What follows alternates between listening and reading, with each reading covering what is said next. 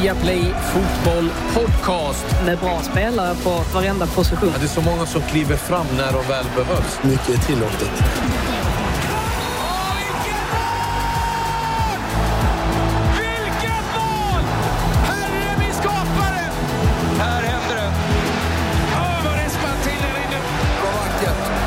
Nej, bästa dagen på året. Det största som har hänt fotbollen någonsin i princip. Hjärtligt välkomna till Viaplay Fotboll Podcast. Bojan har lite problem med micken här. Den Bara ramlade krascha. ner. Den ramlar ner och kraschar.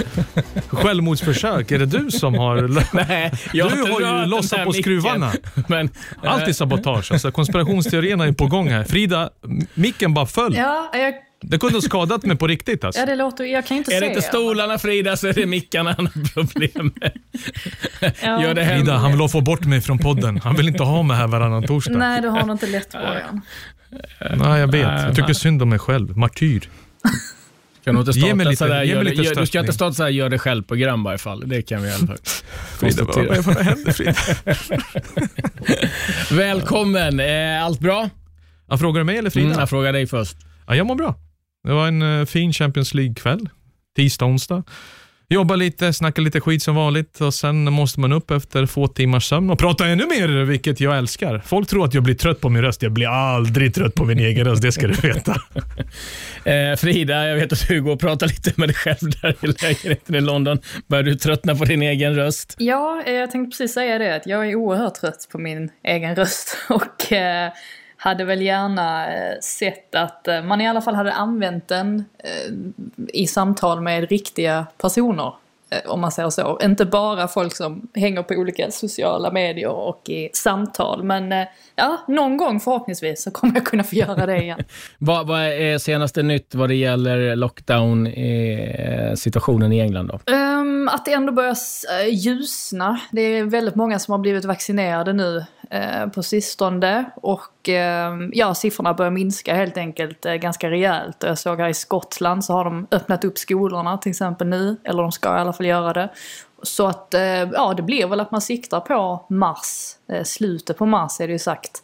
Men ja, det går i alla fall åt rätt håll om man säger så. Ja, det låter härligt och vi har en hel del att gå igenom idag så vi drar väl igång på en gång. Kylian Mbappé, Erling Brott, Haaland imponerade igen i Champions League.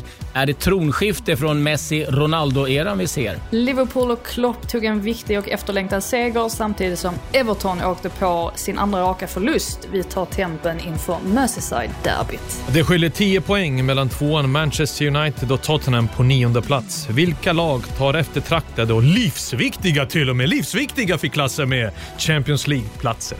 Jajamän, det är det med tanke på ekonomin. Tänk det- Champions League blir livsviktigt, då har man problem. Ja, det, det är en del klubbar som har en del problem med degen eh, kan vi lugnt säga. Så att, eh, ja, det är viktigt. Men vi gör som vi alltid gör. Vi börjar med senaste nytt ifrån eh, Frida. Ja, vi börjar med en märklig historia tycker jag. Eh, domaren Darren Drisdale har blivit anmäld till disciplinnämnden här borta efter att ha konfronterat Ipswich-spelaren Alan Judge i, i helgen. Det finns en jättefin bild på hur Drisdale går upp panna mot panna med Judge i samband med ett möte med Northampton i League One. Det är inte så ofta man ser domare tappade på det viset eh, och så får man ju givetvis inte göra så att vi får se vad han får för straff här. Ska tilläggas att eh, han har bett om ursäkt för eh, incidenten i alla fall. Och eh, Bournemouths jakt efter ny tränare fortsätter. Förutom eh, David Wagner och Patrick Vieira så nämns nu även Vieiras gamla lagkamrat Thierry Henry som en kandidat. John Terry ska däremot vara helt struken från listan och Frank Lampard har tackat nej eftersom han känner att det är för tätt in på jobbet i Chelsea. Ehm, och eh, Daily Mail hade en exklusiv story idag om att eh, Daniel Levy kan tänka sig att skeppa iväg Harry Kane från Tottenham trots allt nu i sommar. Kommer dock eh, kosta en nättare slant, närmare bestämt 150 miljoner pund vill de ha för honom i så fall. Och det minskar ju givetvis spannet kring potentiella köpare ganska drastiskt. Det finns ju även en viss Håland då som vi kommer att prata mer om sen som nog kan intressera klubbar också. Ehm, ja, det, det var lite grann vad jag hade i veckan. Inte, inte så mycket men det känns inte som att det har hänt sådär jättemycket. Nej, det är väl eh, en liten detalj eller så här, som ett första möte i varje fall, där Premier League-klubbarna nu haft eh, angående det här nya Champions League-förslaget och där då de eh, eh mästarklubbarna har valt att rösta nej för det där förslaget. Då. Det innebär ju att det kommer spelas runt 100 mer matcher i Champions League än vad det gjort tidigare. Men eh, det kommer nu gå vidare då, men det troliga är väl att eh, de här kommer att förlora den bataljen eh, framöver och ehm, det är givetvis en viss oro för att eh, priset på Premier League-rättigheterna kommer sjunka, att intresset kommer sjunka och därmed mindre pengar för de klubbarna och sen då att de rika blir ännu rikare. Sen är det ju någon en halvmärklig regel med koefficienter som gör att man kan komma sexa men ändå få en plats i Champions League och kliva före. Eh, det, det, kan vi gå igenom en annan gång. Eh, ja, du var inne på det. Jag tänkte klassen, nu får du lägga av. Ja. Nu kan vi gå in på en, en annan podd. Vi behöver två timmar till nu med koefficienter hit och dit. Du märkte det själv. Du var på ja. väg in. Du var Nej, på väg in. Det var jag inte. Du tog av dig skorna, strumporna. Du var på väg in i det djupa vattnet. Frida, vi måste backa bandet nu. Men nu en nyhet som jag vet, Bojan, han, han är superglad för den här. Ryan Shawcross är klar för Inter Miami. Oh jävla benbrytaren Shawcross från Stoke. se, Herregud se upp, alltså. Ja, se upp, verkligen. är det första Han kommer börja tackla folk i Miami på gatan, ja. på stranden. Hey. 453 matcher blir det för eh, Stoke. Ja, det blir intressant. Eh. Becks, Becks värvar. Det är Phil Neville som är coach. Ja. Fan, det går bra. Lite bra bränna. Väldigt trevlig. Alltså, trevligt ställe att komma till. Ja, om han varit spelat 453 matcher i Stoke så kan, så kan han vara värd lite sol i Miami. Kommer Phil Neville från Barry, Ryan Shawcross har varit i Stoke hela, nästan sitt liv sedan han lämnade United och sen kommer de till Miami. Solskyddsfaktorn måste vara hög på de två. Jag vill inte att de ska bli brända. De får inte brännas. Nej, det kommer onekligen bli intressant att eh, följa den här. Ja, eh, lite ja. intressant hur den scoutingen har Så sitter man på Ringvägen, fungerat. Frida, Ryan Shawcross i Miami. Fy fan. med, med en mick som bara ramlar ner. Behöver en scout? Ja. Jag måste mejla Bex. Behöver du scout? Balkan scout. Balkan scout. ja, det är ett, eh, en värvning som man får fundera på lite grann. Men så är det. Eh, ja, det var en eh, stor kväll för två unga herrar i Champions League i dagarna. Så var direkt boll in i mitten och sen styrt den vidare en gång till också. Då är det chansen för Mbappé som gör mål! Oj, oj, oj! Bra boll. Väldigt bra till och med. Florenzi får in den i mitten. En på rätt sida. Florenzi med skottet i mål i alla fall från Mbappé. Mbappé tvåmålsskytt. Och nu är de ganska illa ute här, Barcelona. Mbappé finns ute till vänster. Får bollen också. Mbappé skjuter och han gör 4-1 och han gör hattrick. Och Paris Saint-Germain kopplar ett järngrepp om den här åttondelsfinalen. Då är det Haaland som lämnar bollen ifrån sig. Haaland! Haaland! Haaland gör det! Jösses Amalia! Det är tre mot ett. Haaland till höger! Haaland till höger! Haaland gör mål igen! Han är makalös denne norrman! Ja, hattrick av Kylian Mbappé och eh, två strutar och en assist också av eh, Haaland. Och, eh, ja, jag ställde frågan lite grann eh, tidigare. Bojan, är det tronskifte vi ser här nu? Är det så att det är nu Mbappé och Haaland-eran som tar vid? Ja, förhoppningsvis. Eh, vi behöver en batalj till. Vi behöver diskussionsämnen. Eh, man blir ledsen när man tänker efter att Messi och Ronaldo är nära slutet. När de hänger upp sina skor och de här matchtröjorna som kommer att sakna dem ännu mer. Och den glädjen, den kärleken till fotbollen de har gett oss. Men det enda vi har gjort är bara att diskutera, vem är bättre? Istället har jag alltid sagt senare tid, låt oss njuta. Så länge de spelar fortfarande, låt oss njuta. Man kan inte njuta så mycket av Barcelona nu för tiden, så att förhoppningsvis ska Ronaldo ta Om man inte håller på Real Madrid. Nej, men det, ja, exakt på det sättet. Men just vad de där två herrarna har gett oss. Det är kul att nya kommer, men Haaland, vilken norrman, vad är, vad är det för spelare? Han är så självklar i allt han gör och sen killen Mbappé, the roadrunner. Mip, mip. Alltså det var helt sjukt. Alltså folk sprang efter honom. Alla var i slow motion i Barcelona och sen satte han bara in högsta växeln och han behövde göra det. Camp Nou, jag vet att Barcelona var, varit faktiskt skit sen de var i Champions League-finalen och vann den 2015 mot Juventus. Sen har ju resultaten verkligen dalat mot större klubbar, att man släpper till för mycket chanser, att ny generation behöver komma in. Det har de inte förändrat och sen har de ekonomiska problem också. Vi behöver inte gå in på det nu, men att Mbappé gör det utan Neymar och Di Maria, det var verkligen en statement. Men senast jag såg någon göra hattrick, det var ju, jag minns ju Faustino Aspria gjorde det.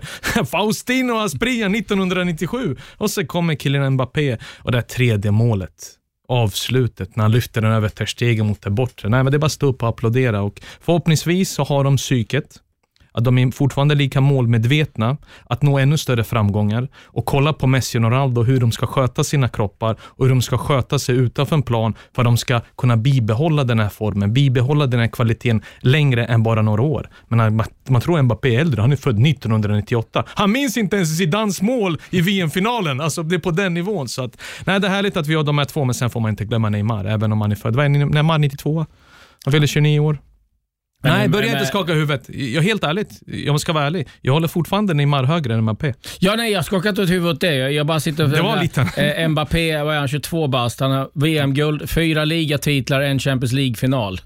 Frida, är du 98? Ja, Han är lika gammal som mig. Nej, jag är lika gammal som Neymar. Jag försökte ge dig komplimang. Kan du inte bara köpa den?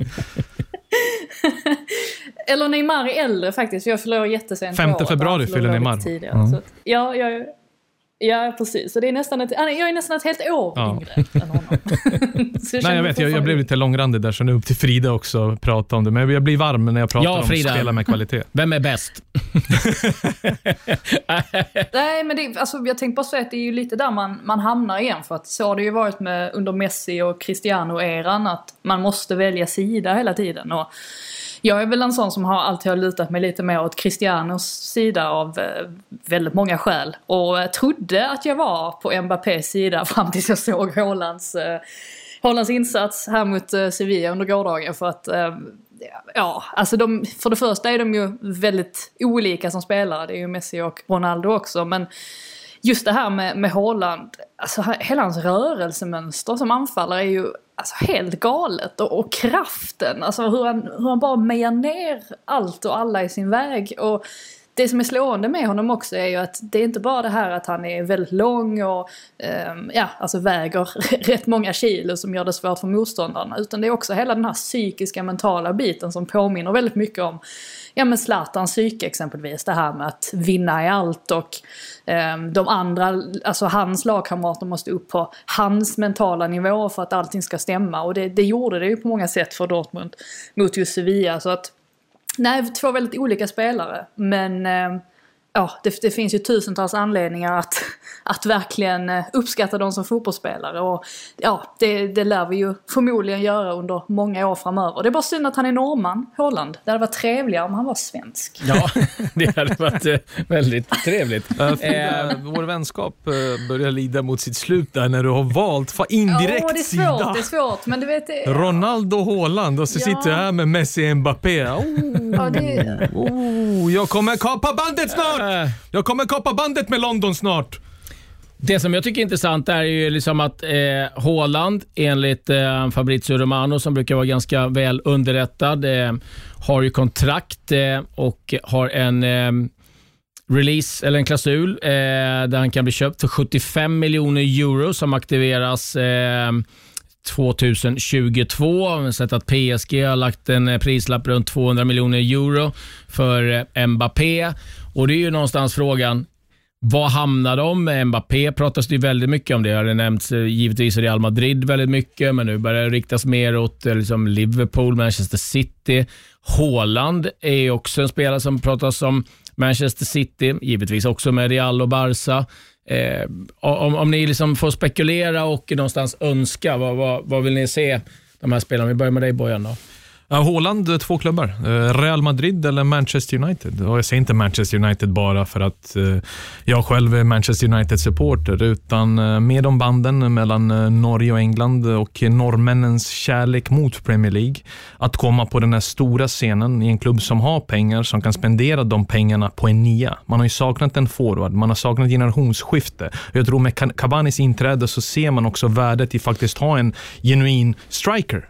Och han gör ju allt. Han är bra felvänd, han är bra rättvänd, han har bra grymma avslut, löpningar, han är osjälvisk, gör sina lagkamrater bättre. Så det hade varit en drömvärvning. Manchester United är inte där de var, men det är fortfarande ett väldigt stort varumärke som lockar. Real Madrid, den är kungliga klubben, de behöver också generationsskifte. Så där faller också Mbappé in. Men jag tror om Real får välja, om Zidane är kvar, så väljer han Mbappé alla dagar i veckan före Haaland för att faktiskt ge supportrarna tro på någonting annat. För de behöver också gå igenom generationsskifte, de behöver föryngra, men de behöver spets, de behöver kvalitet.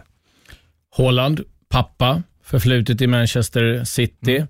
Eh, vi kan väl konstatera att jag tror inte att Roy Keane kommer vara den som medlar i alla fall affären mellan Holland och Manchester United. Eh, Frida, vad, vad, tror du om eh, deras framtid? Eh, alltså för Hollands del så tror jag väl att det står mellan tre olika klubbar och det är ju Man City, Man United och Real Madrid. Tycker även att eh, alltså en sån klubb som Chelsea, som vi vet kan flexa sina muskler, de borde vara intresserade. Det kommer vara svårt för dem att få till den dealen tror jag av många olika anledningar. Men det är ju, det är ju en sån där spelare att Ja men till exempel i Man Citys fall så har det pratats om att ah, ska man inte ta och, och plocka in Lionel Messi och lägga en massa pengar på honom. Jag tycker ju snarare att lägg pengarna på en sån här som, som Haaland för att så bra som han är nu.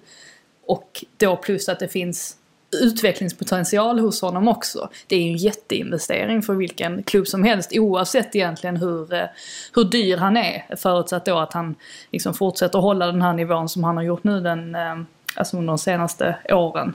Ehm, så att ja, det, det, är väl egentligen upp till dem själva, alltså så som man har förstått det så verkar väl Haaland luta lite mer åt Spanien. Att det är dit han vill. Um, men sen såklart så han är ju född i Leeds och har ju de banden som han har tack vare sin pappa. Så att, uh, men frågan är också om hade vi klarat av, alltså kan ni tänka Norge om Haaland hade gått till Premier League? Alltså norrmännen älskar ju Premier League över allting annat. Jag är inte säker på att landet hade stått kvar.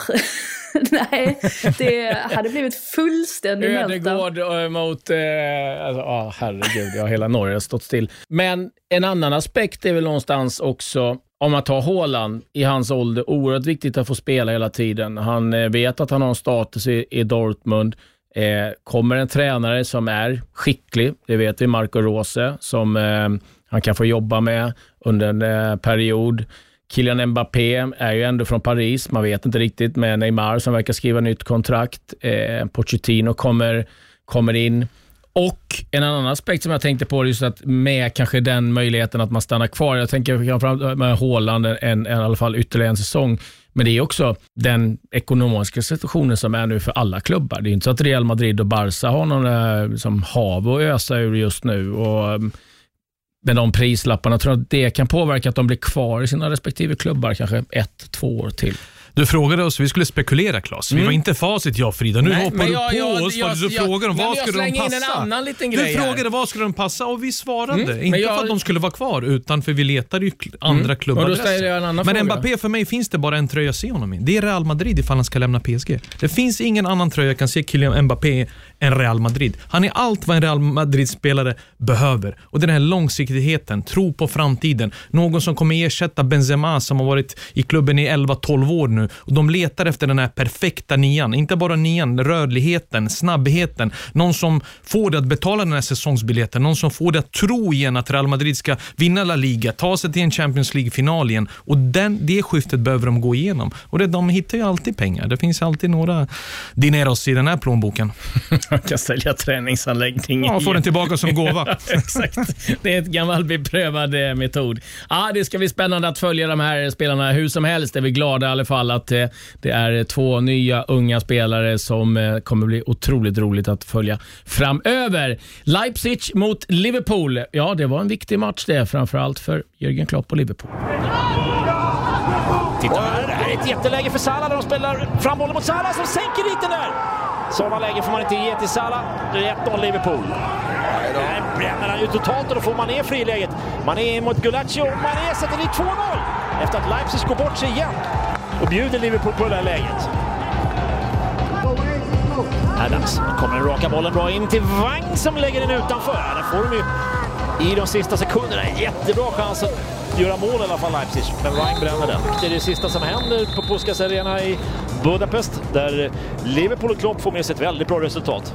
Yeah, it was um, from start to finish. I thought defensively throughout the team we pressed really well, won the ball back um, and looked dangerous going forward. Um, so yeah, overall, like I said, pleasing performance, um, good win, um, but it's only half the job done. There's another leg to go, um, which is, will be another tough game for us. You had discussions during the week about the mentality of the side and, and the efforts you would make just to fit, put this right. There were leaders in the dressing room, you were saying. Is that part of the conversation this week and you've seen it realised tonight? Yeah, well, listen, we just want to just keep going, keep fighting every time we play. Um, yeah, there's a lot of difficult situations throughout the season, but I think we've just got to keep going. Um, every single game, take one step at a time, and tonight was a was a good step in the right direction for us, and um, we need to continue with that with that form, with that, with a performance level, and if we continue that, then we'll get some good results along the way. Does it calm things down a little bit now? Uh, but bearing in mind you've got a Mersey derby at the weekend as well. No, it's only one good result. You know, we've got to just yes, we're pleased with it, and like I said, it's only half the job done because there's another leg. Um, but now we've got to turn our attention to Premier League, like you said, a Merseyside derby coming up, which is important. Um, recover well and, and, and give it everything in that game as well. Frida, det var en väldigt eh, eh lugn och harmonisk eh, Henderson och en väldigt glad Jürgen Klopp vi såg, eh, men kanske lättade efter den här matchen. Eh, går det att sätta fingrarna på hur viktig den här segern var för dem? Ja, men jag tror att den var väldigt viktig. Eh, just eftersom att det såg så bra ut också. Att det finns många saker och många olika spelare framförallt att lyfta fram. Jag tyckte exempelvis att mittfältet, där det kanske har funnits lite frågetecken kring en sån som Thiago exempelvis. Eh, jag tyckte både att han och Curtis Jones framförallt eh, och eh, Wijnaldum var, var väldigt bra. Trent Alexander-Arnold som det också har funnits frågetecken i. Nu har man sett de här senaste veckorna att han börjar komma tillbaka till den här formen som vi är vana att se honom i.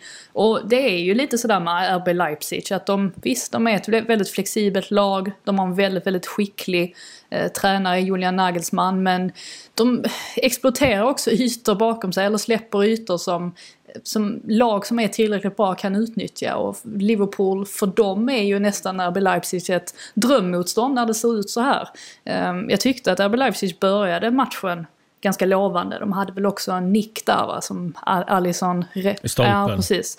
Ehm, men utöver det så sen tyckte jag att liksom Liverpool växte in i matchen och, och var numret större eh, rakt igenom. Och då dessutom med de här misstagen från RB Leipzig så så gick det ju helt enkelt inte att gå segrande ur det mötet. Så att eh, väldigt positivt för, eh, för Liverpools del. Eh, får väl hoppas för deras skull då att de kan spinna vidare på det här också. Intressant läge för Liverpool tycker jag bara. Vi såg i eh, intervjun med Jürgen Klopp som Jennifer Kücükaslan gjorde mm. att han var tydlig med att det är fokus nu på, på Champions League. Men det är ju också Premier League. Alltså, jag vet inte om Liverpool har råd att missa Champions League. Jag tror inte de kommer göra det. Jag vet att de är i prekärt läge. Det har varit en väldigt konstig säsong för deras del. Jag minns inte någon titelförsvarare som råkat ut för så mycket skador på nyckelspelare. Jag vet att många kommer säga, jo men alla har ju skador. Nej, inte på de här spelarna som faktiskt gör skillnad. Inte på de här spelarna som skulle ge Liverpool den balansen Klopp var ute efter för att kunna försvara den titeln. Fokus såklart är på Champions League med tanke på när de åkte ut mot Atleti så var ju fokus att kunna säkra Premier League. Det var ju fokus efter 30 års väntan. Nu har han ju två fronter eh,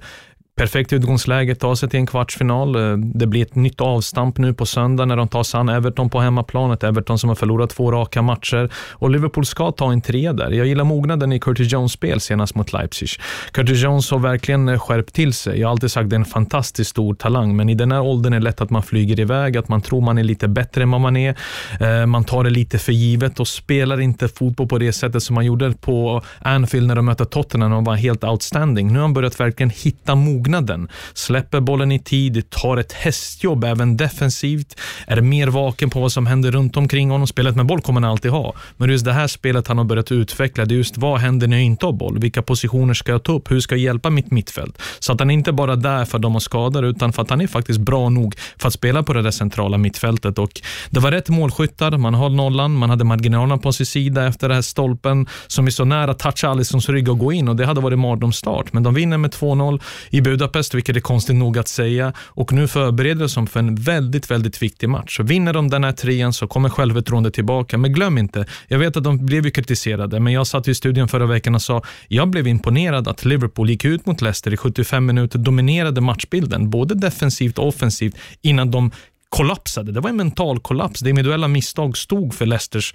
eh, vändning. Så de tog emot från de här första 75 och fortsatte mot Leipzig och jag tror de kommer fortsätta trumma på även på söndag mot Everton.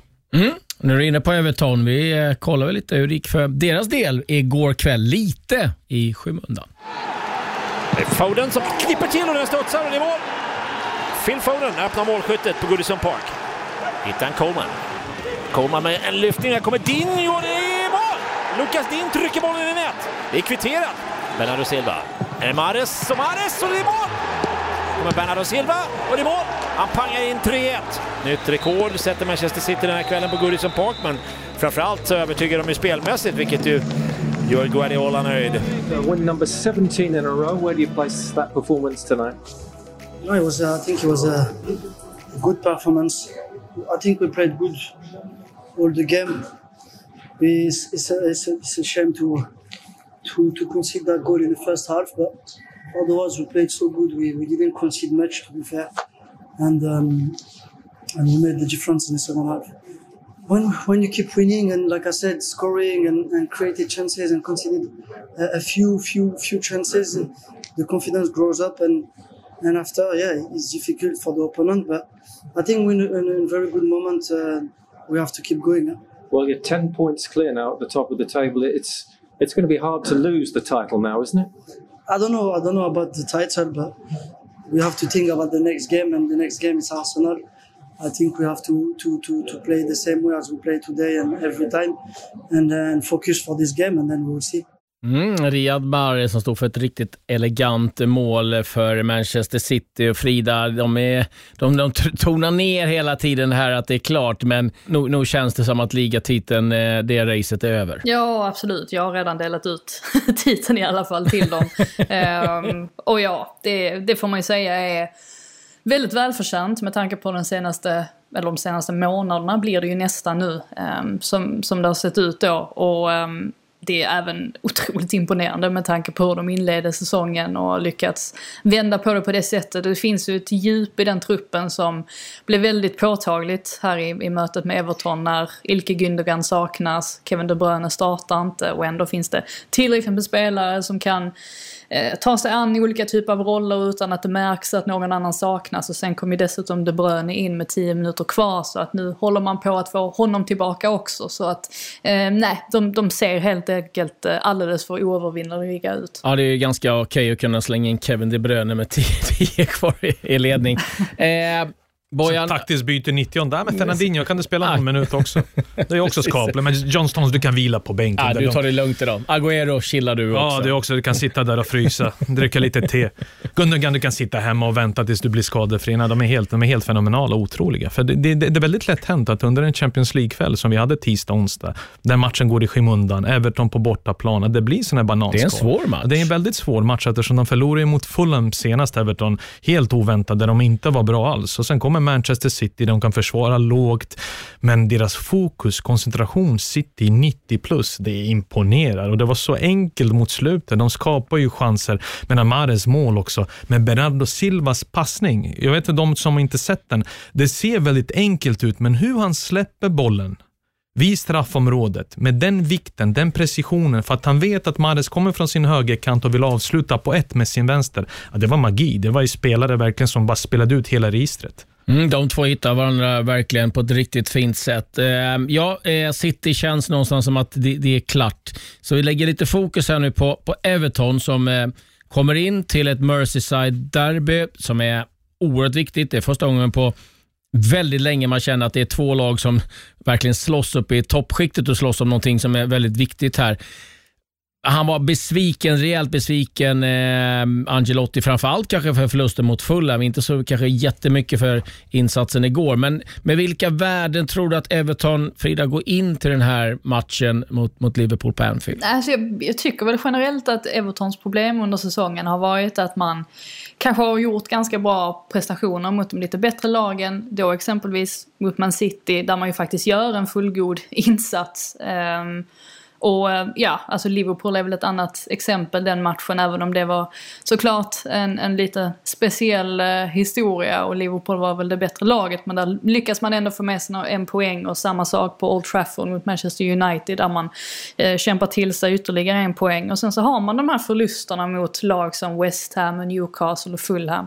Så att det har ju varit Evertons problem lite grann, att man inte har presterat mot dem eller man har inte vunnit mot de lagen man bör vinna mot. Eh, och sen så kanske gjort bra insatser mot de lite bättre lagen. Så just därför så tror man väl att det här derbyt ändå kommer att bli alltså något sånär jämnt även om jag tror att Liverpool kommer vinna i, i slutändan eftersom att de känns, um, ja alltså de, de känns på väg tillbaka till, till gammal uh, form uh, så att säga. Men um, där tycker jag väl ändå att Carlo Ancelotti kan och bör ifrågasättas. Uh, just att han inte har fått in någon riktig kontinuitet i resultaten och att han inte riktigt lyckas balansera laget rätt i, när de möter den typen av lag som eh, kanske är villiga då att, att låta Everton ha, ha bollen och, och spela runt lite. Eh, där, där finns ehm, en del att jobba på för hans del. Det är ändå sjukt att de ligger på 37 poäng och de har slängt bort 6 poäng på hemmaplan. De förlorar alltså mot urusla Newcastle och sen Fulham. Okej, Fulham har varit bättre på sistone, svårare att bryta ner, men där är nog stora besvikelser när Carlo Ancelotti sätter sig hemma i sin,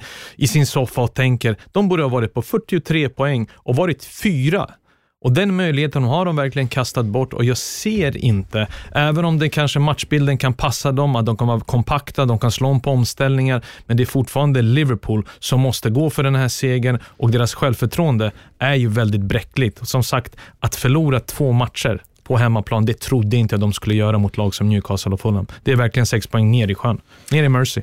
Den här matchen har givetvis en extra krydda. Vi kommer ihåg att det var i den här matchen van Dijk blev skadad efter vad ja. många anser nästan ett överfall från eh, Pope, vi, eller Pickford. Ja. Pickford. Eh, vi har Thiago som blev skadad den här matchen. Richarlison stack eh, Richarlison där. Vi har liksom en Calvert Lewin som nu är skadad för ehm, för, för Everton, jag tror att det är sedan 99 som Everton vann sin senaste match mot eh, Liverpool på Anfield. Och så just då liksom det, Liverpool 40 poäng, Everton 37, en match mindre spelad. Det är så mycket som står på spel på den här matchen. Eh, just den här känslan av att Liverpool givetvis kommer att vara otroligt taggade eh, med allt vad det innebär, men även just det här med van Dijk, Thiago och att kanske såga av Everton. Tror ni, att, tror ni att det är någonting som kan tala för Liverpool eh, i det här läget? Ja, nej, men det tror jag. Sen får vi se om Dominic Calvert-Lewin är tillbaka. Det pratas väl lite grann om att han eventuellt kan vara spelklar. Eh, och det kommer givetvis i så fall göra en otrolig skillnad för Everton. För man har ju sett det att Joshua King har haft väldigt svårt att, att ersätta honom i, i den rollen. Han är,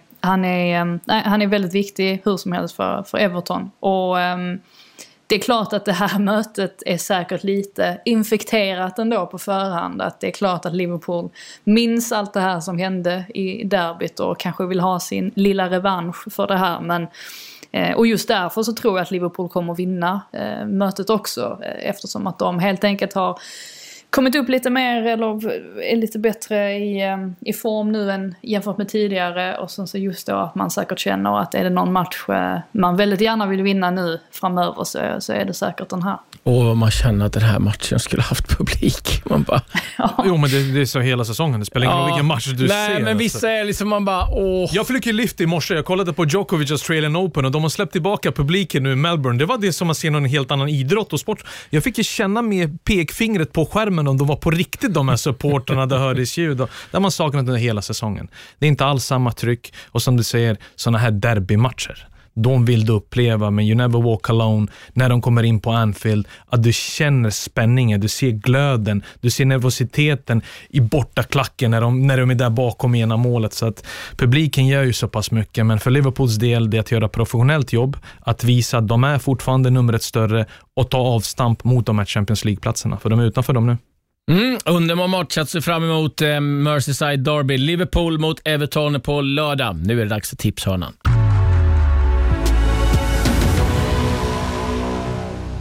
Ett lag som eh, har gått väldigt bra den här säsongen det är ju Leicester City och eh, de har som alltid sin eh, frontfigur framåt, Jamie Vardy. Det är 12 fullträffar så här långt för hans del. Nu ska vi höra lite hur han ser på säsongen bland annat och arbetet med Brendan Rodgers. Tillemans Sätter en lång boll, Alisson ute och så är det misstag. Alisson och Osa Kabak och eh, Jamie Vardy gör 2-1 för Leicester. Yeah, it was a, a big win for us. I think um, I think it shows how far we've come as a team as well. Because I think possibly last year we'd have gone a goal down to, to Liverpool and and not got the fight back. So it was good for ourselves. A little tweaking in the formation from the gaffer and it started paying dividends for us. It's great to be to be up at the top end of the table, but the main thing is we just want to keep keep improving on on what we did last year. We we qualified for the Europa League, and we want to keep progressing as as much as possible. So we are taking it game by game, but like I said, it's all about that progression, and, and we'll keep going. I was really, really looking forward to working with him. I've seen the quality in the games, but I was going to be interested to, to see how he was uh, on a day to day basis. Um, but he is right up there, Kelly, with the elite strikers in world football. You know how he threatens the the line, his his his his speed his speed over the explosive speed over a, short distance is is absolutely phenomenal. And uh, and like I say, he, he's he's very focused. You know, he's uh, early thirties now, but he's still as quick as ever. Um, his, his appetite for the game, uh, and he's got that old school mentality where he wants to fight, he wants to run, and uh, and like I say, he's uh, you know his whole attitude to the game has been absolutely brilliant since I came in. So uh, so yeah, and a natural goal scorer, you know, you just got to get the service to him, and uh, and he'll finish. I think one of the main things with with the gaffer is he told me not to just chase lost causes for the sake of it. I mean, before when I first came, I was probably trying to hunt down every single one of the defenders and and using a lot of my energy up. So I think it's more conserving it, making sure that majority of the time I'm I'm within the the lines of the 18 yard box and using that energy then when I need it for the burst of pace to to get away from defenders and hopefully being in a goal scoring opportunity.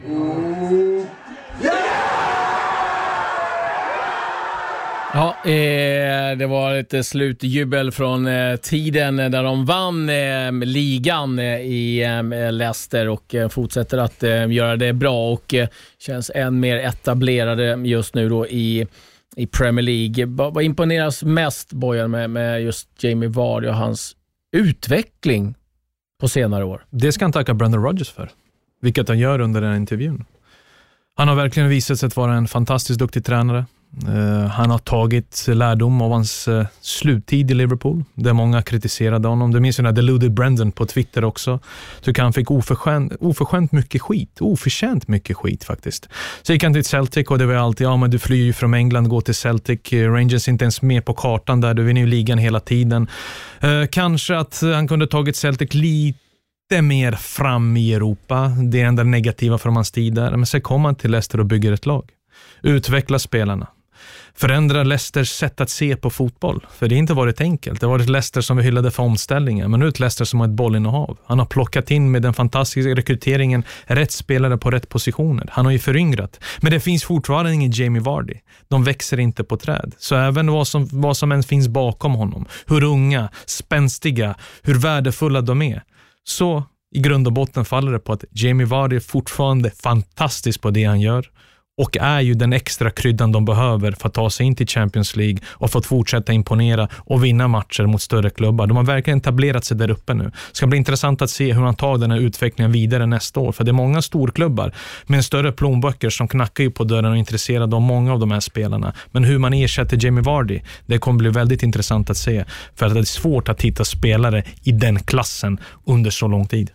Ja, för en miljon pund också ifrån Fleetwood, Fleetwood Town. Town, ja. Det, är, alltså, det måste Frida vara den bästa värvningen som någonsin gjorts. Ja, det var ju det um, Jamie Carragher proklamerade i alla fall i en, en krönika som han skrev för Telegraph, tror jag han skriver för, eh, förra veckan. Mm, Och stämmer. Man är väl beredd att hålla med egentligen. Det finns ju inte så många andra som, eh, alltså totalt sett, är uppe på den nivån som han. Alltså dels då man räknar in själva summan som ju var väldigt låg, även om det var en rekordvärvning sett till att han var non-league player. Det är ju det som också är lite intressant, att han, man förstår ju inte vad han gjorde i Fleetwood Town under de, eh, under de åren överhuvudtaget. Eh, Men just det här att han ju sannoliken har betalat tillbaka den lilla summan med, eh, ja, med, med skytteliga-segrar och Premier League-segrar och, och allt vad det är. Så att, och just det här också att han aldrig lämnade Leicester, trots att det var på tal då efter de hade tagit titeln, att han, han var ju väldigt nära Arsenal framförallt. Men eh, stannade och det känns som att det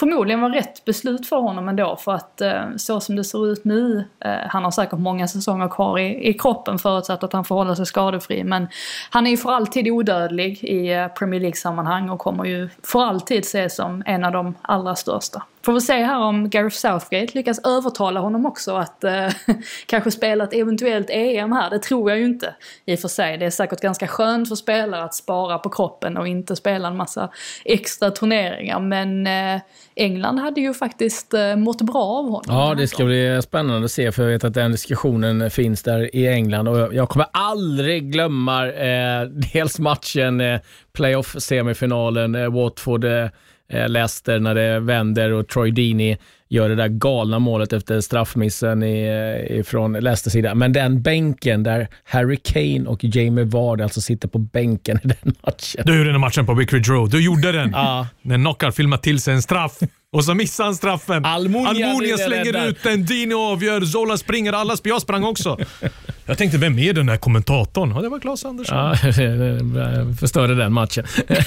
Aj, det var du Nej, som men sa just, det. Men just att de sitter på bänken. Ah, makalöst eh, eh, match och makalös spelare, Jamie Vardy. Och eh, vi är inne lite på Leicester. De ligger på tredje plats. Det är eh, som vi nämnde tidigare, Manchester City som har dragit iväg. Det innebär att det är tre platser kvar till eh, Champions League inför nästa säsong, då topp fyra positionen som vi pratade om. Och eh, Det är United på andra plats, 46 poäng. Vi har Tottenham som då ligger på nionde plats som har 36. Så det skiljer alltså 10 poäng mellan nio lag.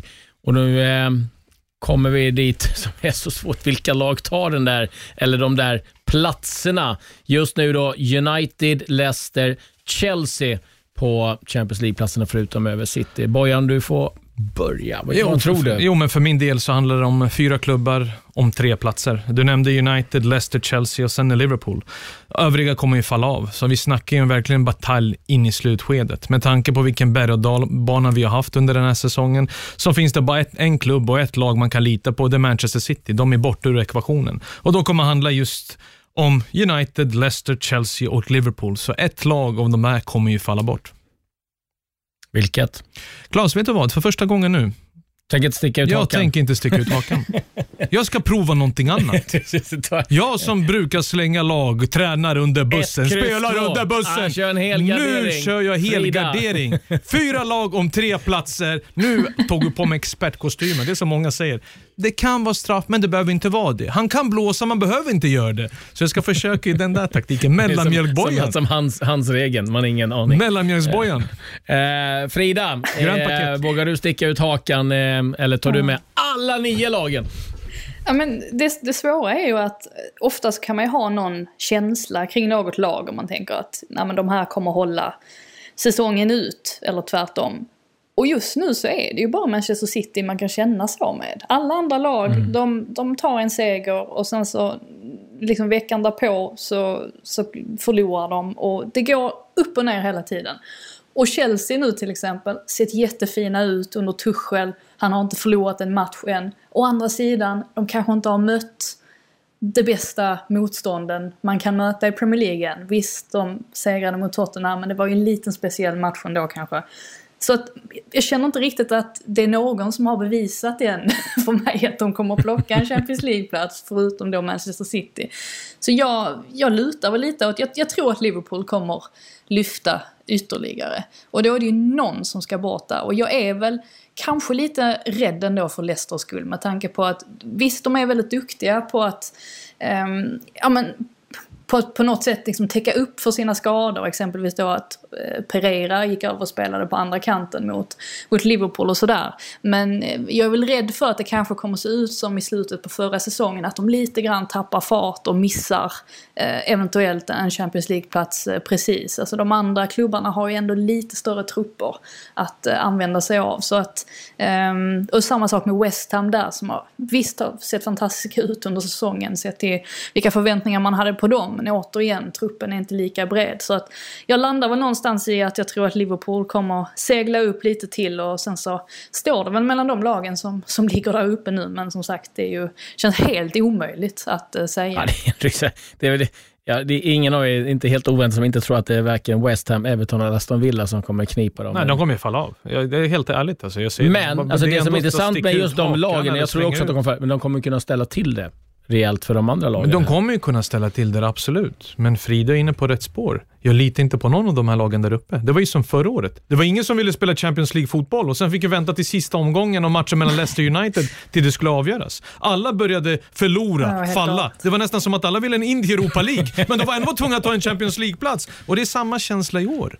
Det är bara att jag har en positiv känsla angående Chelsea och Tuchel och det han håller på med att de faktiskt har under så pass kort tid fått upp självförtroendet, spelet. Om det är någon som kan få fart också på Timo Werner, som har varit en flopp hittills, så är det han. Och det där målet mot Newcastle betydde oerhört mycket för de övriga i den här truppen. Så att Chelsea, från, alltså jag ska inte säga från ingenstans, men Chelsea kommer vara där uppe och Liverpool kommer lyfta. Och du vet ju själv hur jag är, jag har alltid varit kritisk mot mina egna med Manchester United. Men du vet när man ser de här resultaten mot Sheffield United och West Brom. Alltså det blir ju verkligen som, jag ska inte säga magsår, men det är nästan som att man blir sätta in två fingrar upp i halsen och spy. Hur mycket poäng man skänker bort när man kunde nästan säkra det hela och inte ge sig in i den här striden ens lik man gjorde förra säsongen. Ja, vi har alla anledning att återkomma till det här för det kommer att bli så jämnt och det kommer vara... Eh, du då Klasse, du då? Du då? Svara nu. Stick ut åtta någon gång. Vem faller ur? Nu ska jag vara programledare. eh, jag tror lite som Frida, jag någonstans så eh, är min känsla att Leicester kommer bli det laget igen som tar stryk. Faktiskt. Eh, jag håller inte med dig om att jag tycker att Timo Werner har varit en flopp. Om man kollar på hur många straffar han har ordnat, hur många assist han har, hur många mål. Han har visst jo, han har en måltorka. Men vad, han är Timo Werner. Ja, det, det är första säsongen. Jo, men jag säger bara ändå med de förutsättningarna, med det namnet, med den prislappen. Du kan inte säga att han har varit succé i Chelsea hittills. Nej, men flopp är väl ganska Jag tungt. tycker det med det namnet han har. Timo Werner är ingen ungdom. Det är en tysk landslagsman. Det är en kille som sprutade in mål i Leipzig. Du kan inte säga att det har varit succévärvning. För mig, med vad jag har sett Timo Werner under så lång tid, så tycker jag det han har presterat i Chelsea under den nivån jag förväntar mig om honom. Jag förstår det första säsong, men han ska kunna mm. anpassa sig mer. I vissa matcher ser det ut som att han har två vänsterfötter. Det gick inte. Han behövde bryta måltorkan, han behöver göra mål ifall han ska få acceptans i Chelsea. Ja, att han ordnar straffar, löper, det kommer han alltid göra. Men det är målen du vill ändå åt när vi pratar om Timo Werner. Det är det jag menar. Mm. Problemet är väl att jag tror att den bilden som målades upp av Timo Werner innan han kom till Premier League, den stämde ju inte riktigt. Just det här med att han skulle kliva in som en nia och liksom bära målskyttet. Timo Werner är ju inte den spelaren, i alla fall inte i, ja, Chelsea. Är han ingen nia? Det är väl det Nej. man kan ja, men börja precis. med. Liksom. Ja, och, och grejen är att nu har han ju visat här hur fantastiskt effektiv han kan vara. Jag håller med dig Claes om att han har ju faktiskt sett väldigt fin ut, i alla fall den senaste månaden framförallt. Med, där han liksom har stått för assist och eh, ja men precis ordnat fram straffar och så. Eh, men problemet är att man kan inte förlita sig på Timo Werner och det tror jag inte Tuchel kommer göra heller. Däremot så börjar han få ut väldigt mycket av honom nu när man ser att samarbetet med Marcus Alonso exempelvis fungerar mycket, mycket bättre än vad det gjorde den första matchen när de var lite osynkade. Så att eh, jag tror att han, eller han kommer säkert vara en väldigt fin tillgång. Men återigen det där med en riktig nia, det är väl egentligen det som Chelsea saknar. För visst, de har Giroud och de har Tammy Abraham, men ingen av dem var ju någon jättedyr värvning som liksom måste spelas in. Så att det är väl därför kanske tankarna dras till en Haaland till Chelsea. För att eh, alltså då skulle ju deras lag vara, eh, ja alltså i stort sett helt eh, komplett. Ja, men det bästa som hände Timo Werner det är att Tuchel tog över. Någon som vet exakt hans egenskaper, kvaliteter, men just att den vi pratade just om prislappen. Han, han, kom, han kom inte som en 17-18-årig akademispelare genom från egna. Nej, nej, alltså jag, säger menar. inte men, Förväntningarna men, men på honom ska vara större. Tycker jag är, det tycker jag är att ta i. Liksom. Ja, men för senaste månaden har han varit bra i spelet. Men sett under hela säsongen och de förväntningarna alla hade på Timo Werner, så är det under. Kai Havertz kan jag säga, det kan jag tycka är en flopp. Jo, men jag, menar med Timo Werner, de förväntningar du har. Det är, det, det är inte så att du trodde att, ge honom en säsong, han kostade massvis med pund. Och sen, du måste ju väl förvänta dig mer av en Timo Werner. Han, han bränner för mycket, alltså så är det ju. Alltså han måste ju bli mer klinisk framför målet. Det har gjorde han ju, inte alltså, ja, varit. men det, det gjorde han ju i Tyskland också. Det, det ska man ju Ja. ha med sig. Det var inte man han, spelade inte bara ute till vänster, han spelade också som en nia. Under Mm, Nagelsmann. Han gjorde ja, massor av mål. sällan en riktig nia. Men det är de saknar nu, Leipzig. Varför de inte är klara? För de har ju 16 olika målskyttar under säsongen, Leipzig. Och sen ska du möta Liverpool med Paulsen som, som en nia. Det funkar ju inte. De har ju saknat de målen han har lämnat bakom sig, trots missade chanser. Men jag tycker, jag förväntar mig mer eftersom det inte bara engelsmännen som byggt upp mina förväntningar. Jag har ju sett Timo Werner under ens karriär och då trodde jag att det skulle lossna och det skulle se betydligt bättre ut än vad det gjort under den här säsongen. Så för hans del, han har tur att Tuchel har kommit. En man som pratar hans språk, jag pratar inte bara tyska, utan pratar fotbollsspråket för att få maximalt ut av honom i ett kollektiv och det har ju synts. Sakta men säkert, men han kommer fortfarande bli bedömd på målen. Är det jag menar. Och jag säger att Chelsea tar en av platserna, Timo Werner kommer ösa in mål och då kommer Borja Låt sitta... honom. Men låt honom, men just nu pratar vi. Nej, jag det är inte så att det är en dålig Eh. spelare. Kai Havertz är ingen dålig spelare heller. Det ska man ha också klart för sig. Det är ingen skitspelare, även om han har ett plopp. Kai Havertz är inte skit. Han har varit dålig nu, men det är också Tuchel kanske får fart på honom. Det vi har sett i Leverkusen, börjar inte Bundesliga fortfarande en bra liga. Att dominera i hans ålder på det sättet, det gäller bara att hitta en rätt roll. Och jag tror också när han spelar i sin 3-4-2-1 uppställning, julgranen, så passar ju Havertz perfekt in i de här två rollerna som nu även Hudson Odoi har verkligen varit grym i. Mm, det blir intressant, men jag tror City, United, Liverpool, Chelsea. Det är de lagen jag tror Jag vågar aldrig gå emot Leicester. Frida. Du vet, när de vann ligan jag sa kommer aldrig hålla, kommer aldrig hålla. Varje år jag sågar Leicester då det blir bara bra. Jag orkar inte. skicka en bild på Danny Simpson till Jag Bojan inte. i Jag julklapp. orkar inte med Komars mess längre. Enda Leicester-supporten. Han bara hoppar på mig direkt. Eh, en eh, diskussion som har varit, eh, eller den är väl ständigt aktuell eh, världen runt, det är ju domare, men nu har det liksom eh, hänt en hel del. Vi hörde Frida lite om eh, incidenten i Ipswich-matchen där domarna tappade humöret eh, ganska rejält. Vi hade mordhoten mot eh, Mike Dean som kom här för eh, ett eh, litet tag sedan också haft eh, mordhot mot eh, andra domare under den här säsongen. Eh, Dean Ashton eh, på Talksport, den tidigare anfallaren, hade så här att säga om just domarsituationen. The abuse that referees receive from all of us, from players, from coaching staff, which I've really noticed with no supporters being there. Disgusting the way they're jumping up from the from the uh, from the dugouts and shouting abuse onto the referees and not happy with the decisions. The supporters when they're in the ground, parents when they're at 10 year old football that I've seen is disgusting. We should be absolutely ashamed of how our sport acts towards our officials. When you look at other sports, I'm ashamed of myself by what I used to, the way I used to talk to referees.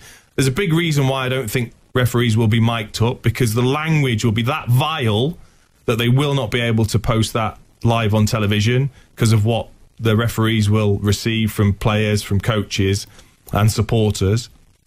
I just think that we're at a stage now with what's come out regarding the uh, the social media um, tox toxicity that the referees have, have received and the threats that they've received. We're at a stage, I think, in this country where we have to really look at our sport and go, this is just not acceptable. Yet it is. It's accepted and it has been for many, many years. It's as if, well, oh no, rugby's a gentleman's game and, and you know, it's, it's, a, it's a private school game and they're just brought up in a different manner and we're working class, so we're allowed to talk however we want. And that's how, we that's how we grow up and, and it's fine for us to abuse referees. Well, it's not, is it? It's, it's, it's, you know, we- we've moved on a little bit from that from that stage. It's 2021. It's time for us all to look at ourselves and, and say, hang on, this has got to stop. The referee's just a human in the middle of the pitch in an incredible, diff- difficult job. He shouldn't have to constantly turn around for every single decision. I'm talking a throw in, I'm talking a free kick in a innocuous area, anything whatsoever, abuse thrown at them. It, it's it's got to change at some point. I'm part of it. So many other people apart. I don't think there's many that can hold their hands up and say I've never abused a referee in any shape or, or, or form. And I think these sort of incidents show especially the referee, was obviously clearly riled up with something that was said. And I can say from experience, some of the things that are said to referees, if you went up to a person in the street and said that, then you're fighting. It's as simple as that. You you cannot speak to people in the street like that. Well, why can you do it to a referee on a football pitch? Mm, intressanta synpunkter från eh, eh, din Ashton där och eh, Frida, du har ju liksom eh, verkligen eh, suttit på läktaren nu när det är ingen publik och hört eh, allt vad som skriks och sägs. Vad, vad säger du eh, om, om det han säger? Stämmer det? Eh, ja, alltså det är klart att eh, respekten för domarna mm, existerar ju inte riktigt på, på samma sätt. Jag tycker väl att det, det mest märkbara har väl varit också att Eh, från tränarhåll så har det varit väldigt, um, ja, alltså högljudd kritik gentemot domarna. Vilk, alltså något som alltid har existerat men um, alltså jag, jag tänker ju på att ja, men vissa domslut som, um, som kanske har varit rätt till och med, uh, där uh, tränare har varit uh, väldigt hårda. Och, alltså en oroväckande grej är väl också det här med att vissa tränare och klubbar har, har inte ens har velat att vissa domare ska döma deras matcher. Alltså Nuno är ju ett sånt exempel när han gick ut ut och tyckte att Lee Mason eh, inte borde döma Wolves mer. Och, ehm, ja, alltså vi, jag ska inte säga att vid tiden när han sa det så var inte min första tanke att herregud så kan man ju inte säga utan det var mer att oj nu, nu har bägaren verkligen liksom runnit över för, för Nunos del. Men tänker man lite närmare på det så är det ju en oroväckande utveckling. Jag tycker inte att tränare ska ska gå ut och säga på det viset och han fick ju också eh, ett ganska saftigt skadestånd också, Nuno. gick väl lite rykten också om att Southampton inte ville att Mike Dean skulle döma deras matcher men det, mm. det, de dementerade det så att det, det verkar inte ha stämt riktigt. Men, men just, just det där är jag inte så... Um, ja, det, det, tror jag att man ska ta betydligt mer seriöst. Och tycker också det är bra nu på sätt och vis efter Dean um, ehm, hade utsatts för alla de här hoten och hans familj hade hotats. Framförallt var det väl i sociala medier att andra tränare klev ut och tog ställning för honom. Steve Bruce exempelvis som också delade med sig av de hoten som han får motta. Ehm, I, I slutändan handlar det ju om någonstans att man kan inte säga precis vad som helst till vem som helst. Alltså man kan inte, oavsett hur upprörd man är över att en domare har gjort en, en tveksam insats eh, som kanske har resulterat i att ens lag har förlorat eller vad som helst. Alltså det, det, är inte så, eh, det är inte så man kan handskas med de problemen.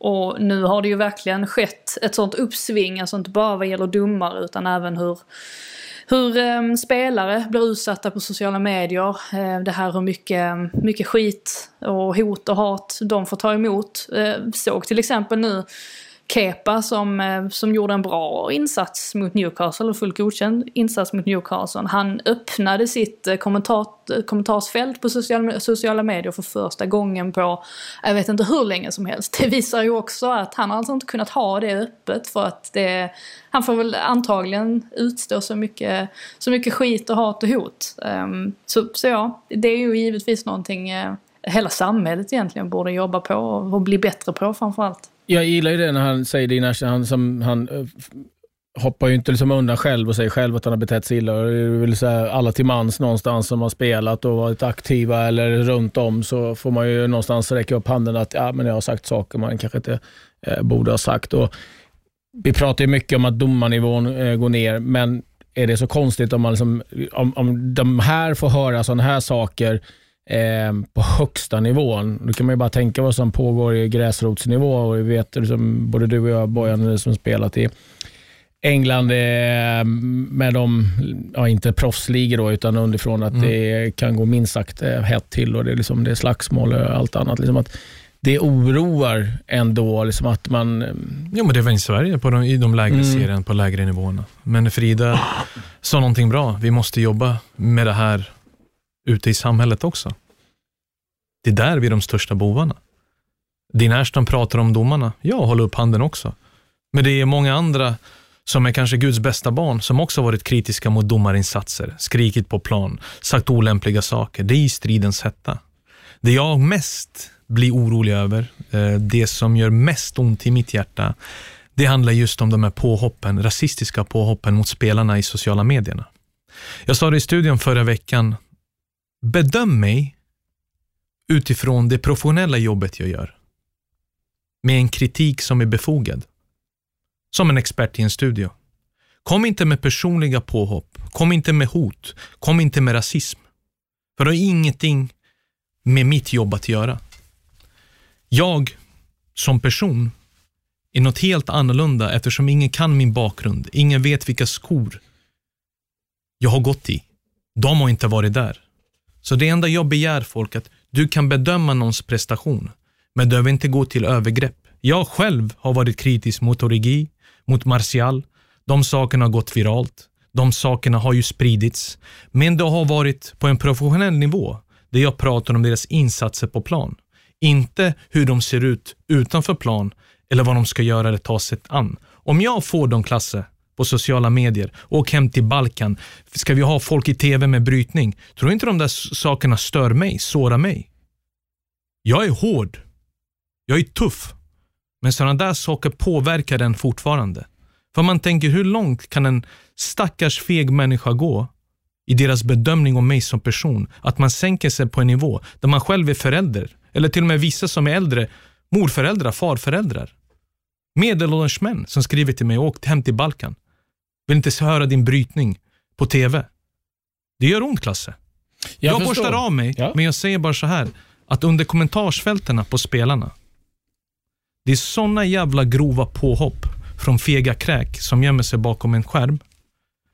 Så att alla blir påverkade. Spelarna läser, spelarna ser. Vet du varför Kepa öppnar sin kommentatorsfält? Han vill ha lite kärlek. Han vill ha lite mer positivitet riktad mot sitt håll. För ingen nästan blir bedömd att säga, fan vad dålig han var. Och det räcker det. Att man kommer med någonting utförligt. Vad gjorde han för fel?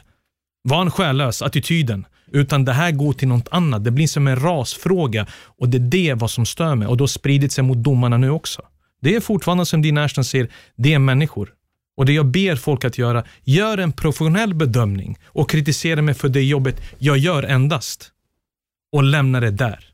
Och vi måste, måste faktiskt börja ta ansvar, inte bara med sociala medier, även hatet mot domarna som har verkligen spridit sig. Mike mordhot. Vem vill döma då, Klasse?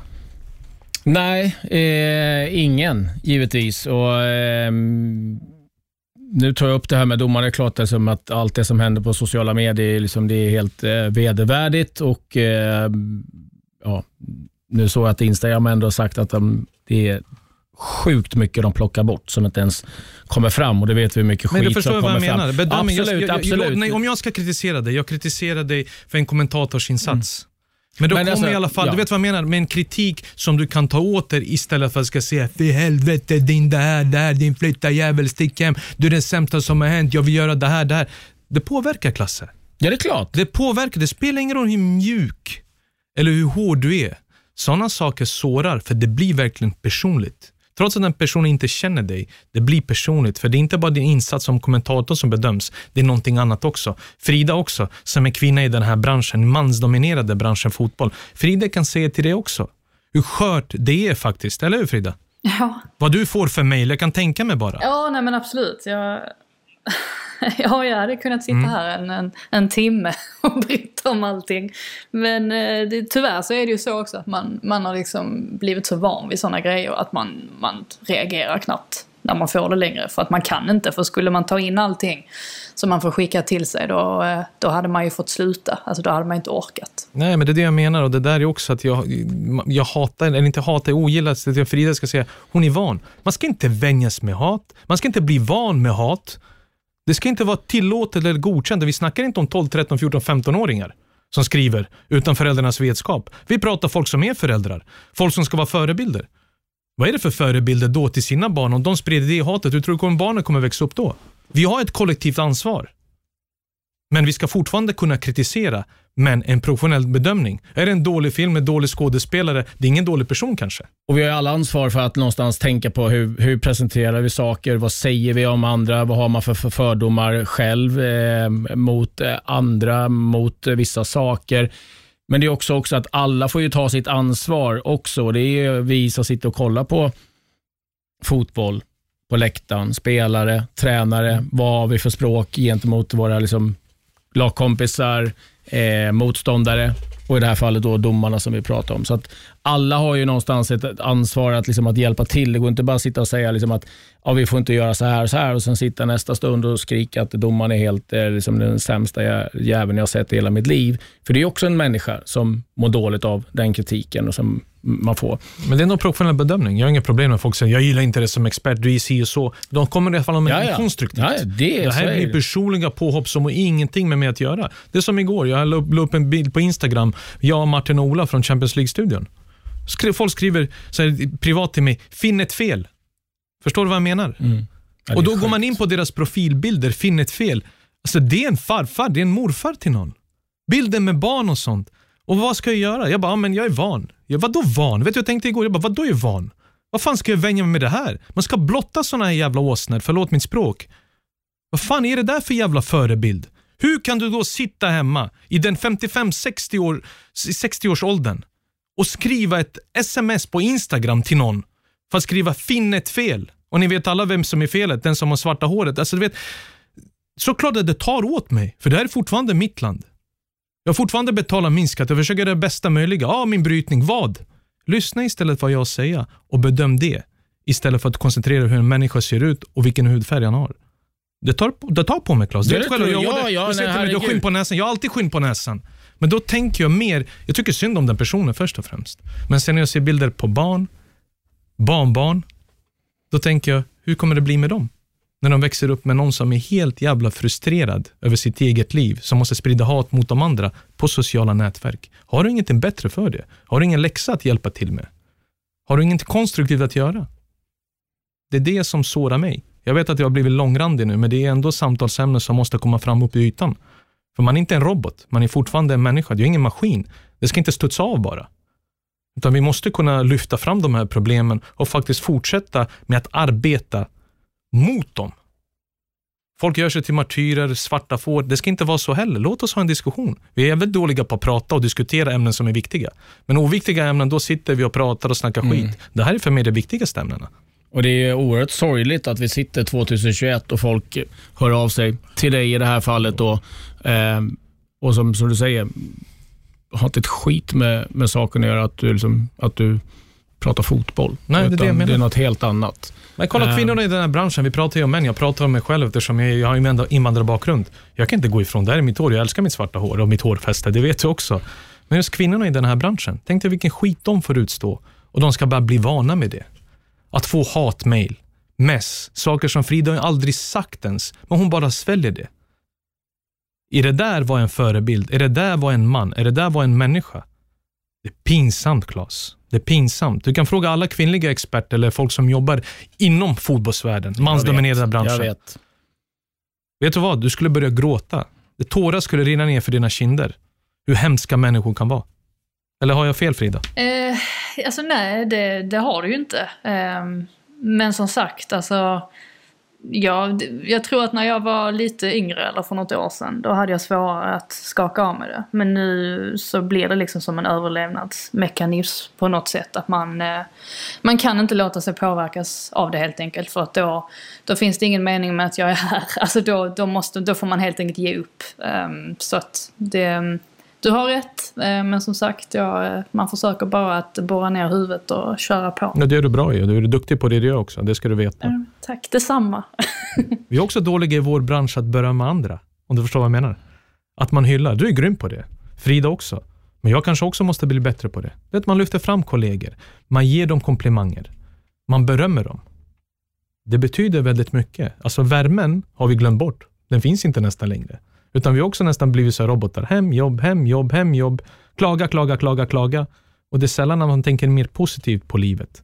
Eller att faktiskt omfamna någon som faktiskt förtjänar att höra det. Så att, jag vet inte, det är, det är min torsdagskänsla i alla fall. Ja, det är trist att det, det är den känslan man har. Jag, det är, framförallt så känner jag lite när du säger det Frida, och även bara att, att man blir van vid det. Det, ja. det är väl det som jag tycker är mest sorgligt. Det är någonting man ska liksom definitivt inte behöva bli van vid eh, att eh, utstå. Liksom, eh, rasism och kvinnofientlighet och, och all sån skit som pågår. Eh, vi börjar ju någonstans med det för att vi älskar fotboll. Ja, det kommer vi alltid fortsätta göra mm. och det gäller bara att kriga på. Det är soldater in i det sista. Man ska aldrig mm. ge upp, men man ska in, in, inte hela tiden bara skaka av sig skit. Jag borstar av mig mycket, men ibland när det är så här viktiga ämnen, då måste vi slås ihop.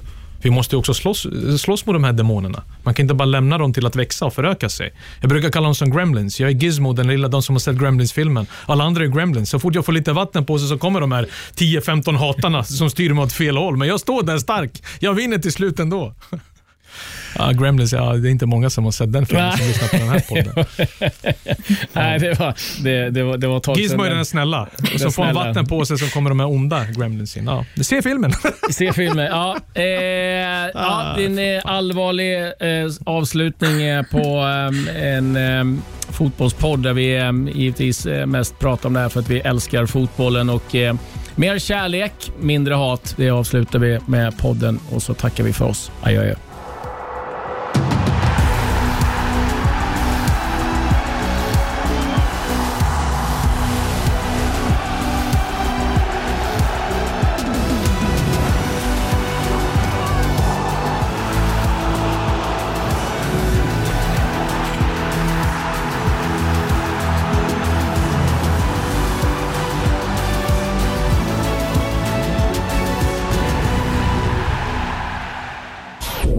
Av I Like Radio. I like radio.